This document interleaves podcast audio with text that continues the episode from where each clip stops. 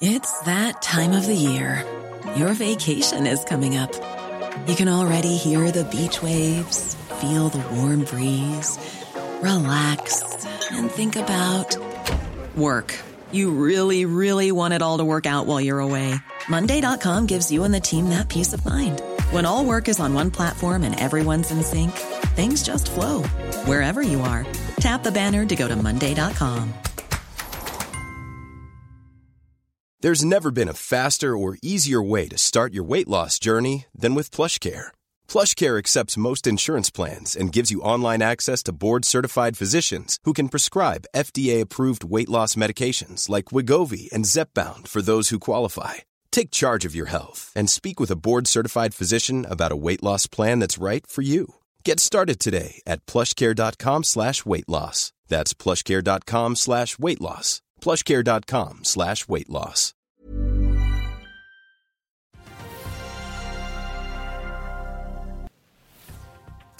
En eh, sur børsdag i vente, Trust No More, en bunke kvartalsrapporter, og O2-sjefen er på plass i studio for å slå tilbake mot eh, solkritikerne. Det er fredag 21. oktober. Velkommen til Børsmorgen.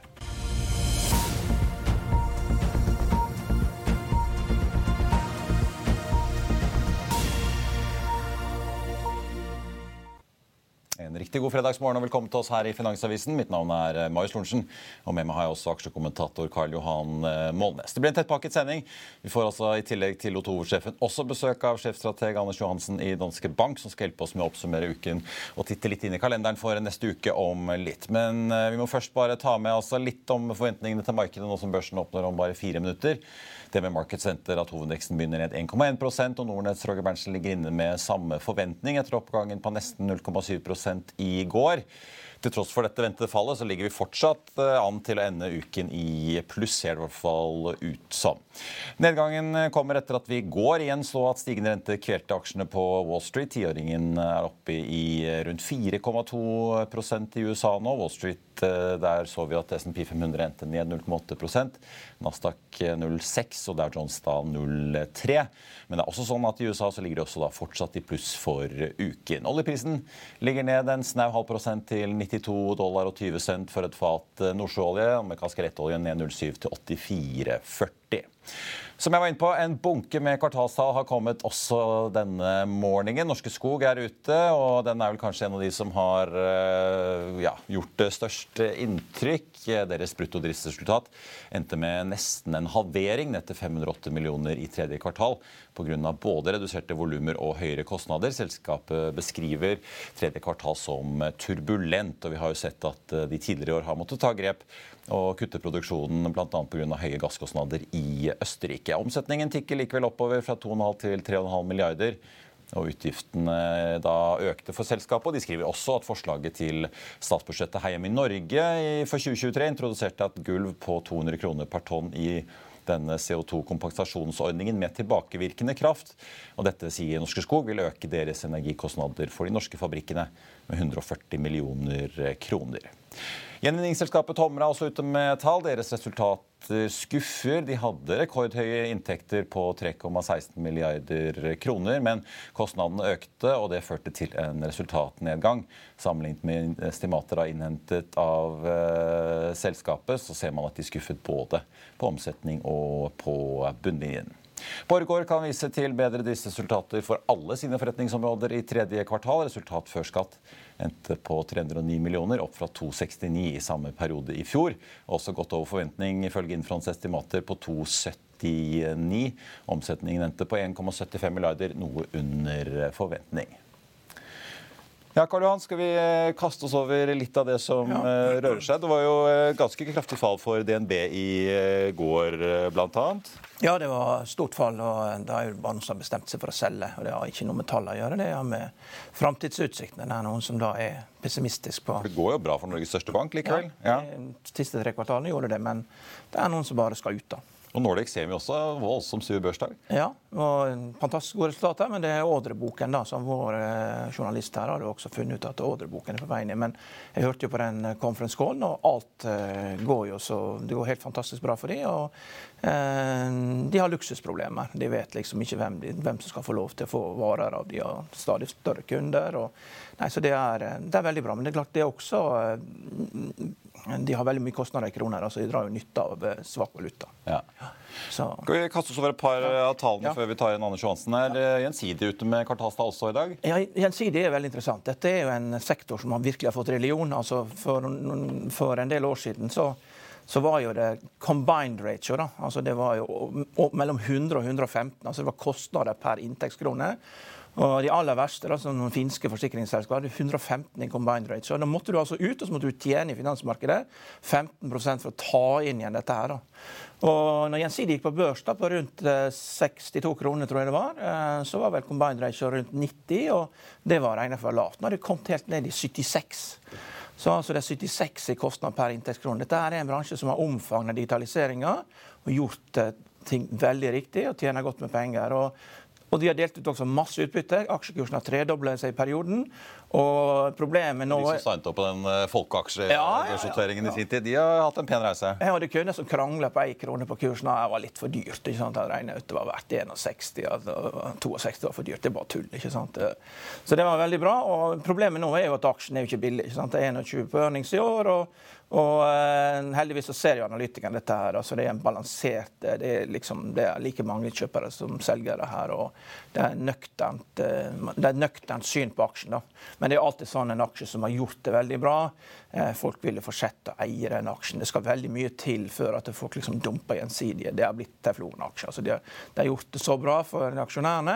Over så lang tid? Over så lang tid, og, og folk er happy, og da, da, selger man ikke den aksjen. Jeg så jo Fremtiden Forsikring komme med tallet i går går. Eh, de var ned liksom, som en del av normaliseringen, virket det som. Eh, skadekostnadene økte. og... Ja. Det har jeg ikke sett på. Ja. Nei. Ja, men så på Allstate for eksempel, i USA. Da, ja. du har med 13 ned, og Det er jo sammenheng med at du får 70 milliarder i tap i Florida, og at de får sin del av det 3-4% altså, Det er jo viktig og, og hvor du driver med skadeforsikring. Eh, det er jo flott at det ikke er noen hurricanes her. Det, da blir det et litt annet klima. Du kan jo sette disse bildene fra Naples. og Dette skulle være den tryggeste delen av Florida, inn i bukta der på andre sida, og det skulle være trygt og godt. Det er, ja. Jeg så bare, nei, Apropos gjensidig ja. skadeforsikringsvirksomheten, da økte resultatet fra 1,8 til 1,8 1,9 milliarder. Ja. Fremtiden eh, meldte jo motsatt utvikling, eh, så jeg bare da i går.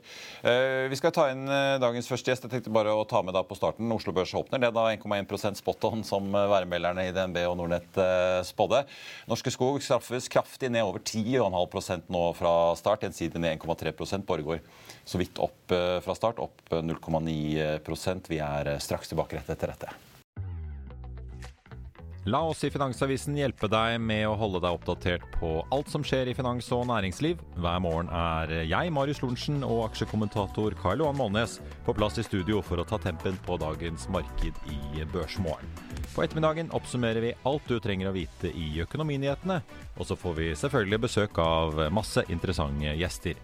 Du finner oss på fa.no-tv, eller ved å søke opp Børsmorgen og Økonominyhetene der du hører på podkast.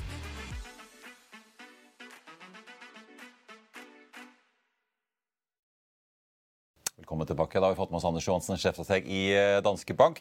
Anders, velkommen og god eh, morgen. Jeg tenkte vi nesten bare må eh, begynne for de som er både politisk og økonomisk interessert. Liz Truss, statsministeren i Storbritannia, gikk jo av da i går. Jeg tenkte vi bare må slenge opp på skjermen her. Vi har jo sett dette famøse salathodet hvor uh, britisk tabloidpresse gjorde narr av eller uh, kjørte omtrent et bett på hvem som måtte kastes først. Mm. Men uh, vi må få opp bilder. altså. Ryanair har da en ganske fiffig liten Twitter-melding ute med et bilde av da en billett som de skal ha utstedt til Liz Truss fra Gatwick til Anywhere. Ironisk nok, hvis man skanner den QR-koden på den billetten, gjett hvor man havner da? Anyone? Nei. Da får du opp eh, valutakursen pund-euro. Et subtilt hint fra Ryanair-ledelsen om at det pundfallet var de kanskje ikke så veldig begeistret eh, for. Si litt, altså Hvor mye, hvor mye har liksom Storbritannia og all den usikkerheten egentlig liksom påvirket uh, markedet? Nei, det er klart at De er jo blitt skadelidende for det som skjer. Altså stigende renter.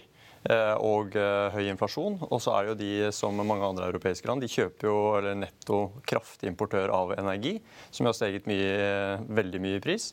og da, da er, På en måte så har det ikke vært så mye verre enn type Japan. Europa sliter jo mye av det samme. Men så var det jo denne famøse da skattekuttpakken deres på toppen av at de, la tak på energikostnader.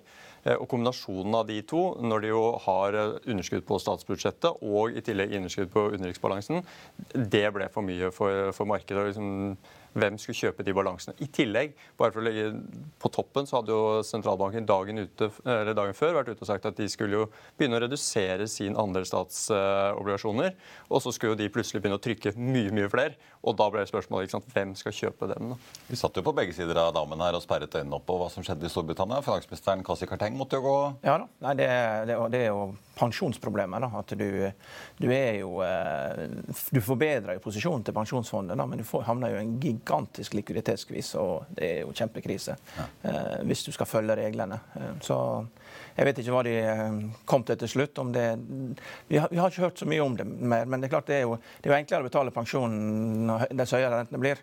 Du må bare komme gjennom dette her og få lov til å eh, eksistere uten å, uten å møte alle marginkrav. Så får vi se hvem som følger etter Truss. Trust. Spekulasjonen er i gang. og Boris Johnson satte seg visst på flyet og dro hjem fra ferie til uh, Storbritannia. Så får vi se om liksom, ja, folk slår seg til ro med at han gjør comeback bare halvannen måned etter at han gikk av. men apropos renter, da. Disse statsrentene i USA fortsetter å pine og plage aksjemarkedet, ser det ut som. 4,26 er vi nå på tiåringen i USA. Toåringen er jo enda høyere.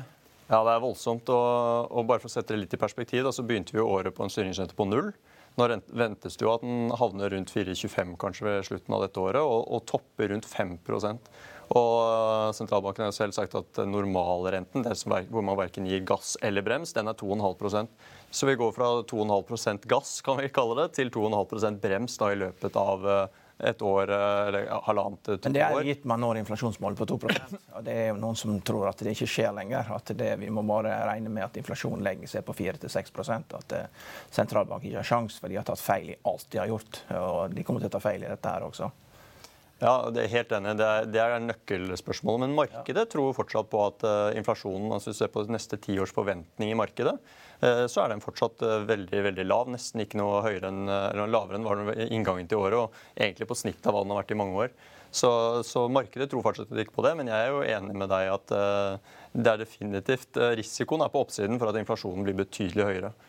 Tiende uke obligasjonsrentene stiger dette på rad. Mm. på rad. Jeg bare nevner det På investordagen til eh, Finansavisen i går så ble ordet deflasjon nevnt fra, nevnt fra scenen. Alt er mulig. Ja, vi får se. Det er Toåringen på 4,61, men det er jo ikke noe fra Fed eh, neste uke, Anders. Men ECB klinker til på torsdag. En av de tingene som har vært å følge med på. Ja, det er nok antageligvis det, men, men, jeg må jo si at de styrer på en måte ikke helt showet for tiden. Altså de, de setter opp renten trolig da med 0,75 og, og, kommer vel til å si det noe av det samme for, for neste runde. Men, men, de er jo hele tiden bakpå. Det er helt andre ting, sånn som f.eks. gassprisene, som vi har sett har kommet mye ned i det siste. Ser mange som nå er ute og sier kanskje er det, er det på en måte det verste over. Det tror jeg er en drøm. Det er vinteren som bestemmer hvor, hvor ille det blir.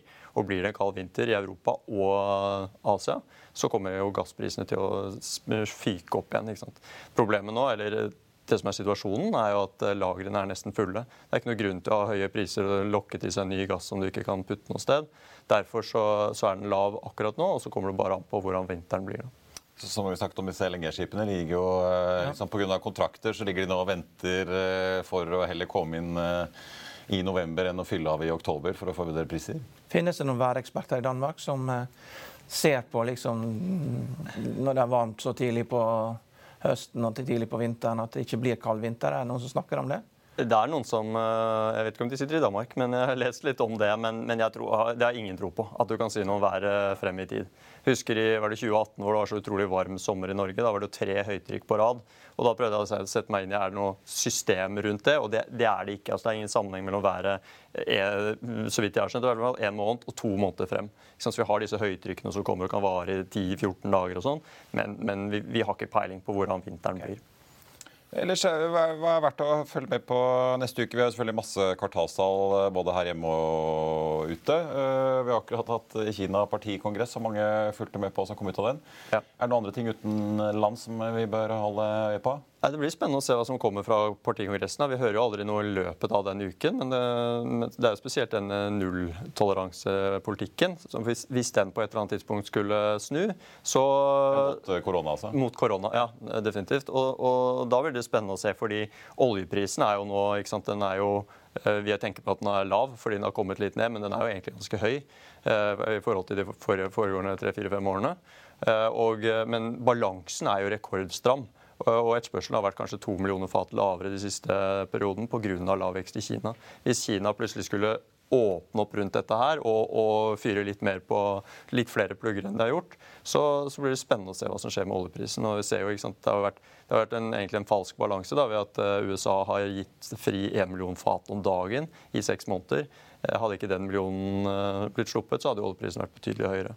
Og nå har de jo sagt at de forlenger litt, men, men likevel, hvis eh, Kina skulle begynne å, å, øke sin eh, bruk av olje, og for så vidt LNG, det har også vært en av de gode tingene for Europa de ikke har brukt mye, omtrent 20% mindre siste perioden, så, så, kan vi få press opp igjen på energipriser.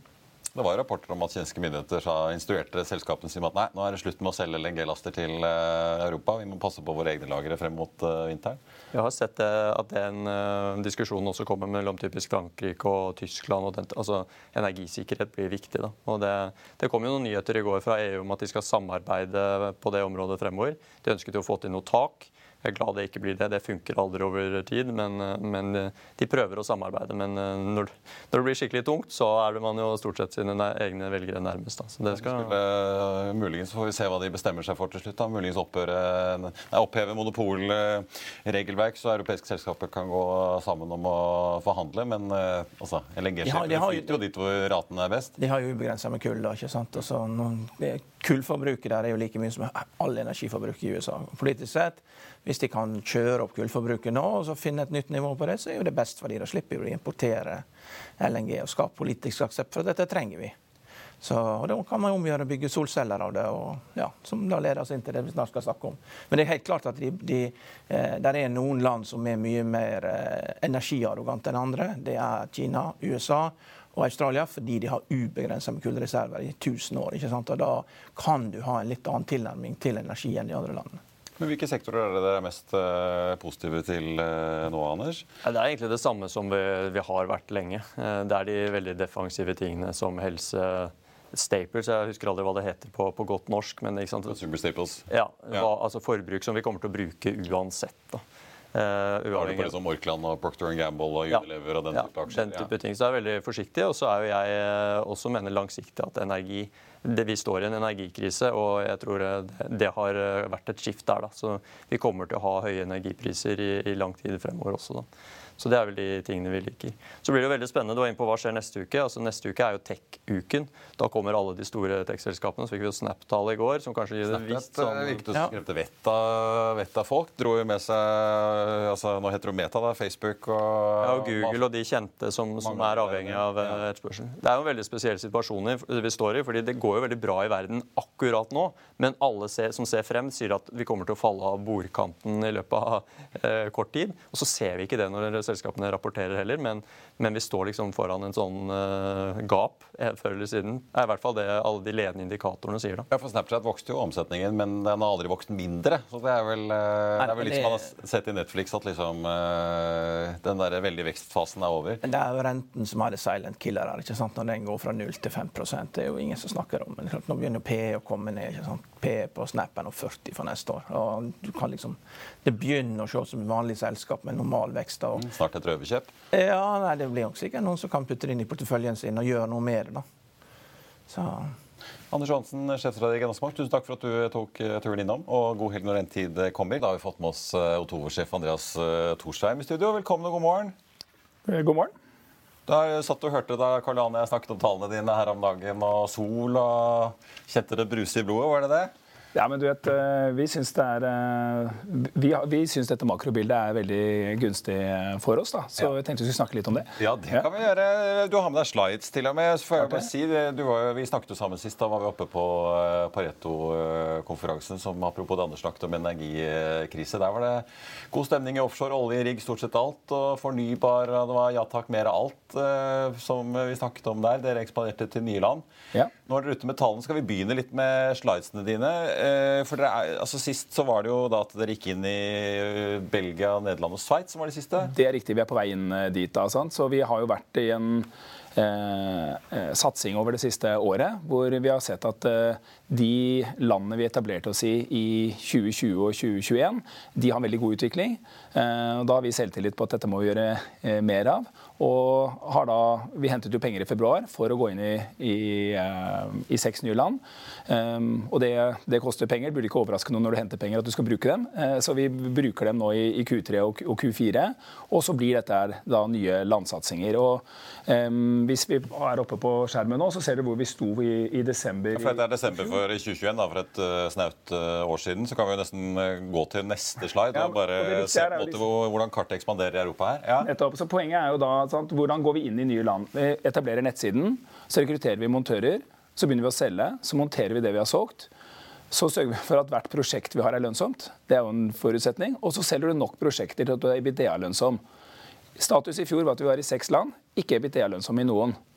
Men vi så jo i kula at dette her kommer til å bli bra. Spoler vi frem til nå, da er fire av de seks landene EBITDA-lønnsomme. Og vi har hatt en, eh, en inngang i nye land hvor eh, vi er i ferd med å gjenskape det vi har gjort i de tidligere landene. Og Jeg er en gammel eh, Skipsted-veteran, og dette er jo akkurat det man gjorde da man fikk classifieds. Eh, sitene til Skipsted. Altså Finn og det som Finn, er Adevinta. ja, Finn og Le Bon og alle, alt det som etter hvert ble Adevinta. Um, og det var noen som syntes det var litt eh, kostbart underveis mens du bygde opp eh, posisjonene dine. Men hvis du ser at de første er, er lønnsomme, eh, så lar du penger være igjen på bordet. Hvis du overlater de markedene eh, du ikke er i, til andre. Ja, for du er nå altså, driften din i pluss i Norge, Sverige Polen Nei, beklager, den er vi ikke inne ennå. Eh, Norge, Sverige, eh, Italia og, og, og Spania. Og så er vel Polen nestemann ut her. Ja. Ja. Hva er, hva er det som tar deg i pluss? Dere er jo som du var inne på, dere er jo et plattformselskap. Dere produserer jo ikke solcellene selv, har ikke installatørene selv. Dere bare kobler dette sammen med kundene. Hva Er det som liksom, er, det, er det et gitt volum som gjør at dere Det er gitt, det er gitt uh, volum, og så er det jo hvor mye du tjener på, på volumet du har. Ja, den, ja, den har vi jo priset uh, voldsomt opp det, det siste året. Vi har innkommende uh, inflasjon. Da, ikke sant? At hardware og uh, arbeid blir dyrere på det vi gjør. Vi har en kost pluss-modell, så det betyr at når vi tar samme margin, så øker jo vi marginen i kroner. I tillegg så tar vi økt marginen i prosent. Så, om, så, så eh, bruttomargin per prosjekt er jo økt vesentlig i løpet av de siste tolv månedene. Og så selger vi da flere prosjekter. Så break-even-punktet har kommet ned, og, eh, hvis, og øker volumene i alle land. Og da Ja, tikker en dette her gradvis driftskostnader mot uh, bruttomargin per prosjekt. Forklar den hvis vi får den opp på skjermen. Du vet, når du vokser med 200% da, som vi har gjort de siste kvartalene, eh, og du har en tidsforskyvning mellom når du booker eh, inntektene og når du har innsatsen for å få de inntektene på seks måneder, da vil du ha en voldsom forskyvning i PNL-en din mellom oppveksten, som er her og nå, for å skape en bedrift som er dobbelt så stor seks måneder eh, fra nå. Så vi, igjen, vi recogniser inntekt når tingene blir installert, eh, og da, da har du en tidsforskyvning. Du kan korrigere for den tidsforskyvningen og vise verdien av bruttomarginen du har solgt, og oppveksten hvis du deler det på, på antall prosjekter. Vi ville hatt en EBITDA på 7 millioner hvis vi da hadde en nullvekst. Den spaken kan vi skru, på når vi vil. Eh, så det betyr at hvis man er redd for at, ikke det, at vi er fornuftige mennesker som ikke selger fornuftige prosjekter, så bør man bli beroliget av denne grafen. For den viser jo at salgene vi gjør, er tilstrekkelig mange og tilstrekkelig lønnsomme til å kunne få denne sjappa i EBITDA-positiv. Og Vil man ha en kick på det, Ja. må man se på hva er det egentlig vi holder på med. Vi bygger jo opp et kraftverk eh, som er egentlig er masse mikrokraftverk samlet sammen i en portefølje. De, vi selger da en leasingportefølje til europeiske huseiere, hvor de abonnerer på solceller fra oss. Når, vi, når kunden inngår en sånn kontrakt, så inngår de en 20-årskontrakt som er inflasjonsjustert hvert år. Full, full inflasjonsjustering. Og det er en 20-årskontrakt. Um, nå har den porteføljen da vokst til 227 millioner ved utgangen av Q3. Ja, for Det er den siste sliden her, eh, hvis du tar opp den kontraktsporteføljen. da. Så har vi da signert kontrakter med, med huseiere som har en For dette er, dette er kun leasingporteføljen? Det er leasingporteføljen. Ja. Så bare se leasingporteføljen isolert. For Det var jo noe dere introduserte bare for de som ikke kjenner det, som, Ja. som på en måte kom etter hvert. I starten var det jo kun ja. pay up front-prosjekter. så Det er riktig. med leasing. Ja. Ja, og det er det som eh, Det her er jo eh, dette, Her ligger det utrolig store verdier. Du kan si at Otovo eh, eh, er et eh, du kan tenke på oss som et skipsverft som lager disse skipene, som er leasingporteføljer. Og de kan vi da velge å selge. Hva er de verd? Vel, Ved utgangen av Q3 så hadde vi en leasingportefølje som hadde på yield 5% verdi på 227 millioner. Vi hadde i tillegg solgt, inngått kontrakter med kunder som vi ikke har montert ennå, på 266. Og Da er det oppe i nesten en halv milliard. Er en halv milliard i leasingkontrakter. Vi har trukket og kommittert gjeld fra Nordea på 150 mill. eh, på det. Det er innskudd egenkapital i den leasingportefølje SPV på 150. Selger vi den her til 5% yield når den er installert, Q2 neste år, eh, ja, da er jo alt uttaket gjelden tilgjengelig for oss. Skal vi legge noe igjen i det selskapet? Skal vi betale utbytte? Det kan vi velge selv. Men for oss var dette et gjennombruddskvartal, for det viser jo at vi er det er ikke noe ryggen mot veggen-situasjon her EK-messig. Dette er en situasjon hvor du kan velge å selge sånne porteføljer og betale utbytte. Det den sliden her viser, er at du på en måte eh, Her kan du gå fra kan du gå til å bli en vekstaksje som vokser med over 100% årlig, og ha en EPS på 1-2 kroner. Det kan vi velge å ha neste år. Sant? Så det er, syns jeg er et poeng. Ok, Da har vi fått pitchen. Ja. Orland, du, har vært veldig, du var jo kritisk, du er liksom kritisk til hele modellen. Hva er Jeg, er liksom jeg, ser på hva som fungerer, jeg ser på hva som fungerer ute, og dette her med leasing det fungerer jo ikke ute. Og- Men det er klart at det, det, han, det det forteller litt, er litt mer sånn om community Det fungerer jo Altså, hvis du lager community parks og du klarer å få subscribers. Da. Men fordelen ligger jo i at eh, du gjør en enkel modell til kundene sparer liksom 10% på strømregningen. Så man prøver ikke å love ikke for mye. Da, og at eh, du må passe på anlegget ditt sjøl. Eh, mange av disse leasingmodellene har jo vært private, salg til private hustak. Og som jeg forstår, da, så ha- har 40, 40 typisk sier opp kontrakten første sommeren. Du, du, du leier. Ja, Det stemmer jo ikke. det, det står eh, i- på Wikipedia. Under en, Ja. ja, men, på en måte, det er jo under 1% churn på disse porteføljene. Det gjelder jo også det gjelder Pears i USA. Det er, ikke, det er jo ikke tilfellet. Um, og hvis de sier opp, så får de jo er jo en utbetalingsfis, og du får jo betalt som om de kjøpte det kontant. Så, så dette her er jo da en portefølje som på er 500 mil kontraktsverdi, inflasjonsjustert. Polske og spanske kontrakter justeres opp 10% nå den sommeren. her på alle kontrakter som er over ett år. Og Det vil de gjøre i 2023, og 2024 2025.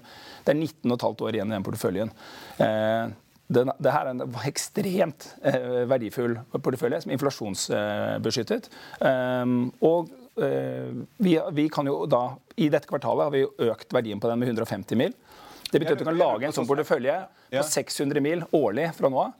Eh, Men du skal, det, det du, skal ikke, du skal ikke syndikere dette. her. Du skal, du skal eie dette her og sitte og Du kan jo selge dette her til infrafond. Det er, de sirkler er- rundt dette. du skal, ikke syndikere, du skal ikke syndikere og lage obligasjoner ut av det og strukturert produkter. Du kan, jo, det er, du kan jo velge hvordan du gjør det.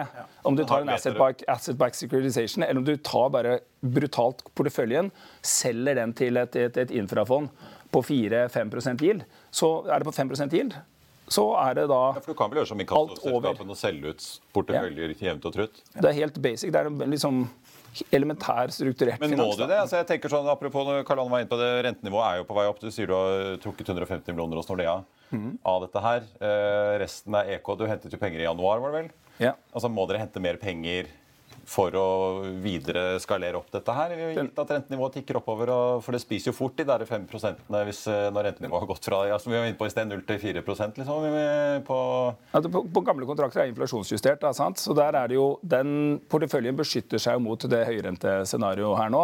ved at eh, vi, Man ligger jo inne med en implisitt eh, rente i, i eh, de månedlige betalingene. Men de Ja, men, månedlige betalingene, tenker, men Hvis du skal vokse videre, da, så må da du finansiere opp dette her. da selger du de på høyere renter. Du selger den på høyere månedlige kostnader. Eh, så gammel portefølje beskytter seg selv, ny portefølje selger du dyrere. Eh, og det har vi vist vi kan selge nå dyrere til 150 mil i kvartalet. Så vi kan lage en sånn portefølje på 600 mil årlig i den farten vi hadde i Q3. Tidligere har vi sagt vi kan vokse med minimum 100% fremover. Så vi er ganske trygge på at vi skal kunne lage sånne porteføljer. Gjeldsgraden på byggekost er 50% nå. Og vi har sagt vi er i prosess med å både øke gjeldsvolumet og gjeldsprosenten. Eh, og håper vi kan komme tilbake til markedet med nyheter på det. Når det kommer, når det kommer analytikere til deg, så det er tre-fire stykker som følger dere, da, så ser du at du skal doble omsetninga di. og så Konsensus er at du skal tape like mye penger som eh, du gjør i år. skal tape like mye neste år. Eh, er det riktig forventning av analytikerne, eller er det helt feil? Ja, altså, det jeg prøver å si, er at den med den porteføljen her, så kan jeg velge hvordan jeg finansierer selskapet. Hvis vi selger denne porteføljen i Q1 eller Q2, eh, da er alt som er grønt på den sliden dere viste, innbetalt EK og eh, verdiskapningen, alt over de 150 millene i gjeld til eh, Nordea, det er jo selskapets og potensielt aksjonærene i selskapets penger kan jo utbetale utbytte, la noe ligge igjen og kjøre ny portefølje. Men det vet Så det er jo gjør ha en frihet før. Eh, vi har ikke sagt hva vi gjør, men vi vet at dette er en portefølje som er mulig eh, å, eh, å, bearbeide. Og så er det da et valg hvor langt du kjører den. Porteføljene er jo generelt sett mer verd, kan selges på lavere yield jo større de er. Og så er det jo da en, en øvelse i hvor is i magen man har, hvor stor du, du, bygger den. Noen bygger mot uendelighet, og noen har modeller hvor man tenker ja, men du vet, når vi har en halv milliard eller en milliard, så kan vi selge, selge den ut. Og da blir aksjonærer betrygget på at de ser at kommer pengene tilbake, kan begynne på'n igjen. Og så er det på en måte plusser og minus med å velge de forskjellige uh, Men må dere, der. Altså, må dere hente mer egenkapital for å kunne ekspandere denne porteføljen, eller? Altså, nei, det må vi jo ikke. Det ikke for å bygge det som er på en som er solgt og kommentert, så må du ikke det. Ekstra, da, ut av ja. dette her, hvis du... Nei, det må du jo ikke. Du kan jo Her er det jo nå en portefølje på 500 eh, mil. Mm. 150 i gjeld. Da er det 350 mil i tilgjengelig EK i porteføljen ved et salg. Du kan bruke videre. Ja. ja med 50 gjeldskatt kan du bygge en ny portefølje på, på 700 mil. Hvis du forutsetter du fortsetter bare på 50% Tenker du 70 så kan du bygge en mye større portefølje. Eller du kan lage en like stor portefølje og betale utbytte. Det er valgfriheten. Men du vet, når du kom fra Schibsted, vet du, så hadde du en teknologifordel for at 4G ble jo raskere bygget ut i Norden, i USA og i Syd-Korea og et par andre land. slik at eh, Når du da ruller ut sørover, så har du en teknologifordel. Det er, det er du som kommer med Vikingskipet. Men nå, nå, har du ikke noen teknologifordel. Tvert imot. at eh, her er jo det sånn at. Eh, har ikke vi en teknologifordel? Hele dette selskapet er bygd på at hardware-kosten kommer ned med 10% per år. Det er det gjort siden 80-tallet. Så observasjonen vår, hva skjer da? Ene er at solenergi vinner på pris mot andre teknologier. Det, det, gjør den. Det andre er at den delen av kostnadene som ikke er hardware, montasje, Eh, salg, eh, marketing, logistikk. Menneskekostnaden det kommer ikke ned, for mennesker blir ikke bygd i fabrikker i Kina. Eh, det betyr at det er den du må adressere. Denne plattformen er bygd på at vi selger på nett. Billigste måten å selge ting kjent for mennesker. Og den bruker en infrastruktur av elektrikere, montører, taktekkere ute i Europa som allerede fins, og selger deres rest, restkapasitet. Det gjør vi til en tredjedel av kosten som amerikanerne bruker i USA. Eh, vi har bygd et solcelleselskap og det vanskeligste stedet i verden å bygge det. Mindre sol, dyrere folk, billigere eh, strøm. Så skal du få det til å virke her, så må du være så mye mye skarpere teknologisk enn det konkurrentene i USA er, og det eh, bedagelige spanjoler og franskmenn kan tillate seg. Så vi har en knusefordel på kost. Ja, men, en knusefordel på alle, alle, næringer sorterer jo etter tid eller kost. og Det er jo en servicebit. Altså det, det, er jo en, en servicebit i dette her. og Vi ser jo det at hva er det som virker. og Det er de gigantiske solparker i Kina og India. og det er, det er store solparker begynner jo å komme i Norge også. altså Det må jo være mye enklere å abonnere fra en gigantisk solpark enn fra Dette er jo, det er jo en helt usammenlignbar sak. En gigantisk solpark konkurrerer mot kullkraftverk og gasskraftverk i engromarkedet. Solcellene du har på taket, ja. de har jo har mye høyere break-even på, på, strøm, fordi de konkurrerer mot wholesale-prisen, grossistprisen. Elavgift, nettleie, oppå det. Sånn at, eh, så, så, det finnes ingen steder hvor strømmen er dyrere enn i stikkontakten din. Eh, så du har mye høyere break-even på det, så du tåler jo å bygge dyrere på, på hustak. Spanjolene vi selger til, de sparer 20 30 euro i måneden når de får et solcelleanlegg på taket. Eh, så du knuser jo strømprisen eh, som er der ute. Og når vi kan skaffe de kundene vesentlig billigere enn markedet, når vi kan bygge billigere ved å selge ut kapasitet som finnes i markedet, så har vi en fordel med å skape sol, små solcelleanlegg som, som, eh, som, er større enn markedet, som er større enn det vi møter konkurrentene. Det er derfor vi tar markedsandel i alle landene vi er. For vi, vi har kommet med en softwareplattform som er utviklet under vanskelige forhold. Og sånn sett er en gjen, Vi spiller igjen det Norge, spiller Norge alltid er gode på, nemlig at vi har vanskeligere olje tilgjengelig enn de andre. Mange ting er vanskeligere hos oss, og det gjør at vi må være teknologisk mer avanserte. og, og enn en konkurrentene. og Da kan vi ta med oss det ut og ha en fordel. Så vi har to måter du er god på. Du kan oppdage fremtiden før. Eller du kan bygge selskaper under mer uh, premiss om at du skal bruke teknologi. Uh, og vi har gjort begge deler. Sant? For vi, vi kom fra, fra Norge altså det, hvor, hvor, hvor, forholdene har ligget til rette for å bruke teknologi bedre for å selge solceller. Dette er en ung industri, og det, du må jo bare sørge for å finne en måte å tjene penger på. For du kan ikke gå rundt og tape 300 millioner kroner i året på en milliard i omsetning og bare komme ut med regnestykker på servietter på at eh, jeg har noe bra her, jeg bare selger det. Fordi, og jeg, jeg, skjønner at aksjonærene ikke bryr seg. altså De tjener så godt med penger på alle andre ting. altså De vil jo bare la dette vokse. Men jeg, jeg er mer bekymra for at private aksjonærene at de ikke helt da får noe avkastning på dette. her. Syns du det er lurt at jeg slutter å vokse? For da, jeg, da, da, er det, da, da, er jo grafen som jeg viste i sted, da er det, da er det 7 millioner EBTA. Nei, du, det er jo kjempeverdiødeleggende. Ja, Hvis du har bygd land som er lønnsomme, så vil du bygge flere sånne land. Har du bygd et skipsverft et skipsverft som er lønnsomt, så vil du ha flere skipsverft. EBITDA lønnsomt, det er earnings before the bad stuff. Liksom, du må ha det ned på bunnen. Men du har mange langsiktige store aksjonærer, så du kommer til å få lov til å gjøre hva du vil du, så lenge du vokser de neste to årene. Med et eller annet tidspunkt, når du går i styremøte, så må du legge fram eh, framtidsplaner. ikke sant? Dette her er ordning og rede. ikke sant? Du har hatt svensker på toppen her, og de passer på. Så det, du får lov til å gjøre dette, men på et eller annet tidspunkt så må vi andre kunne klare å se at dette blir lønnsomt.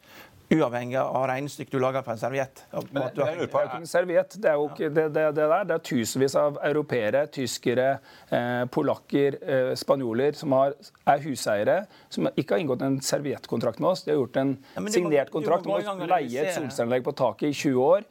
De har inngått den. De betaler oss 50 eller 100 euro i måneden. Når inflasjonen stiger, så betaler de et høyere beløp hver måned. Eh, og vi har da tusenvis av eh, europeiske huseiere som motparter. Den porteføljen er verdifull. Den kan vi selge når vi syns den er altså, tilstrekkelig størrelse. Du, du får ikke noe bedre marked å selge i enn dette her. Altså det, og når du ikke tjener penger, da, så er det klart man kan si at eh, forretningsmodellen er litt seint ute. og at det, det, er vanskelig å vite at det skulle bli sånn. Men det, Eh, det må, det må, ikke bli sånn som japanske selskap som hadde Sony PlayStation og ikke klarte å tjene penger på det. Vi er ikke sent ute. Dette, det, det, det, europeiske solenergimarkedet er i barndommen. Ja. Det er dobbelt så mange hus i Europa som det er i USA. Det monteres dobbelt så mange solcelleanlegg i USA som i Europa. Skal vi komme opp til den takten amerikanerne har akkurat nå, så skal det europeiske solenergimarkedet firedoble seg. Dette er helt i barndommen. Vi er ikke sent ute, vi er helt i starten. Vi er det første solenergiselskapet som er til stede i hele Europa. Og vi tjener penger i de landene vi har vært lengst. Og eh, vi bygger inn eh, på nye land. Vi har en portefølje som gjør at vi har valgfrihet. Og den er endelig tilstrekkelig stor til at vi kan bestemme hva vi gjør med den. På 200 mil i en porteføljestørrelse, det er så lite at ingen bryr seg. Det klarer du ikke å se i et infrafond. Idet du er på en halv milliard, så har du kontakt med, eh, med, det markedet du kan selge sånne porteføljer i. Vi genererer 150 mil i kvartalet i den farten vi har i Q3. Så det betyr at vi kan lage over en halv eh, milliard i, i kvartalet i sånne porteføljer. Det er et vesentlig endring og et vesentlig eh, poeng for oss da, ut av Q3. Så da har vi graduated ut av subscale. For du kan ikke drive med infra subscale. Nå er vi scaled, og det er hele det høres ut som at det er liksom Otovo Leasing som kommer til å bli butikken her, egentlig. Altså, Selvfølgelig. Ja, plattformen er, sånn, det er leasing. Men at det er moneymakeren, da må du lykkes som leasingselskap. Alle selskapene som er verdifulle innen solenergi, gjør mer enn 10 000 salg årlig. Det gjør vi. Og de gjør leasing i store volumer. Det gjør vi. Det er det vi har oppnådd gjennom dette året. Og nå er vi i ferd med å gjøre dette her i enda større volumer. Vi har guidet på at vi skal klare minst 100 vekst inn i neste år. Og eh, er ikke flaue for å si at det er Du kan også bruke linjalen på det fremover. De, de, eh, så, ja, for du sa fem, disse, disse, disse vinner innen leasing, de, er, de som har det laveste kapitalkostnader. Det er jo ikke tilfeldig at uh, når et marked da begynner å modnes så, Flyleasing, hvem var det som dominerte? Det var AIG og GE. Um, fordi at de hadde Triple A-rating og kunne fundet seg ubegrenset i pengemarkedet. Så du, du, er helt avhengig av den billigste finansieringen. Det er det som er vinnerformelen. Nei, du må være best på å originate. Du kan jo selge det til andre som har 3 VAC. Jeg, jeg, kan ikke få 2 eller 3% VAC. Jeg har jo, triple A-rating. Nei, det er, men det trenger jeg ikke heller. For jeg kan bare Jeg er best på å bygge. Du som best på å bygge. Som... Ingen som skaffer kunder raskere mer enn Så du som har en internettplattform, skal være best på å bygge? Jeg forstår sånn, Det er 2000, 2000 montører i Nederland. Som, som konkurrerer. Så hvor mange plattformer vil det bli som konkurrerer da, om disse 2000 montørene? For det vil jo ikke være den eneste montøren. Altså, Schibsted har jo, dominerer jo markedene sine. Du vil jo aldri klare å dominere dette her. Vi er, eh, vi er først i, av leasingplattformene i alle land i Europa unntatt Tyskland. Vi har én konkurrent, det er Npal, eh, som er privat i Tyskland. Det, det, er oss eh, det står mellom. Eh, vi er, vi er, først ute, og vi går raskere, lavere customer acquisition cost enn de andre. Internettbaserte plattformer er forbløffende gode til å gjøre ting. Og det vi er gode til, er til å få huseiere til å få besvart spørsmålene sine om hva de kan spare. Eh, at de kan stole på det eh, håndverkeren som, eh, som, som, kommer, og at det skal være enkelt for dem. Og så trykker jæklig mange mennesker kjøp når de er på den plattformen. Og konsekvensen av det, da blir det også mange kontrakter. Da er du god til å originate mange kontrakter. Så bruker vi lokal arbeidskraft som er er en kunde som kjøper på Toten, så er det en elektriker på Toten som uh, monterer det. Og Fordelen med det er at du slipper å kjøre fra Lillestrøm eller Asker eller der hvor andre folk har baser. Du utnytter infrastrukturen av håndverkere som allerede fins. Ja, det fins 10 000 håndverkere der ute. Vi bruker det. Vi selger jo det. Vi er jo plattformen som selger eh, kapasiteten som fins der ute. De er happy med å få få salg rett inn i sin ordrebok uten å måtte kjøre ut til gamle damer, drikke kaffe bare for å få et nei. Det er kostbart for dem. Så vi kutter jo inn den kostnaden for dem, fordi det er bedre for at vi selger og markedsfører, enn at Toten Elektro gjør det sjøl. Ja, det, er det er jo hele poenget. Da kutter du, da kutter du inn masse sløsing, ja. som er befaringer og, eh, og, og kaffedrikking og PDF-mekking. Det, altså, det, gjør ikke de våre montører. De får, de får prosjektene rett i ordreboka og bruker tiden sin på det de er gode på. Litt om uh, guidingen din. Altså, dere sa nå 500 millioner i dette halvåret. Mm -hmm. 600 millioner i første halvår neste år. Det, vi, sa, vi, sa, 660 som et gulv for den andre, ja, men burde, altså, første men, Burde dere ikke egentlig liksom vokst mer nå som på en måte bransjen kommer ut av pandemien, ting begynner å gå seg til, solcellene begynner å leveres kanskje, eller? Vi gikk på Euronex Growth i februar i fjor. Vi sa vi skulle vokse med 100. Vi har ligget med god høyde over den kuren eh, hvert eneste kvartal. Eh, så vi har stort sett ligget over 200, eller opp, eh, opp rundt 200 eh, vekst. Vi har tenkt vi er det å snakke om Er det litt forsiktig, på en måte, eller er det Det kan du godt si. Det er, det er, akkurat det samme som vi har sagt alle de siste sju kvartalene. Vi sier det nå for de, for de eh, neste tre også. Um, og uh, vi har tikket godt uh, med god, god, høyde over kuren der hele, hele veien.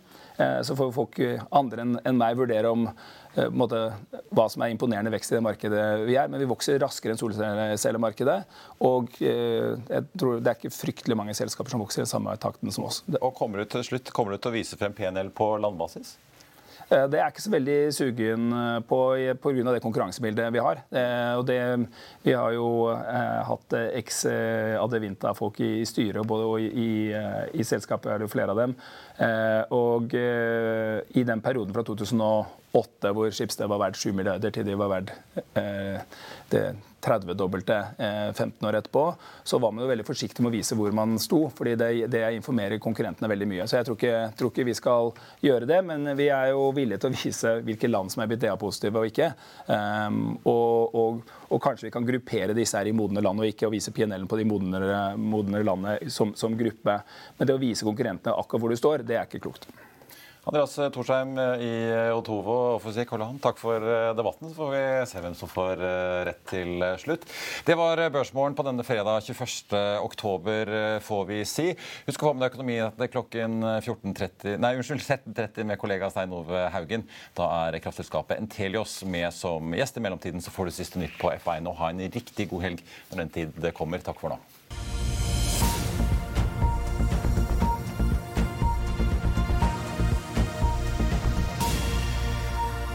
Økonominyhetene er en podkast fra Finansavisen. Programledere er Marius Lorentzen, Stein Ove Haugen og Benedikte Storm Bamvik. Produsenter er Lars Brenden Skram og Bashar Johar. Og ansvarlig redaktør er Trygve Hegnar.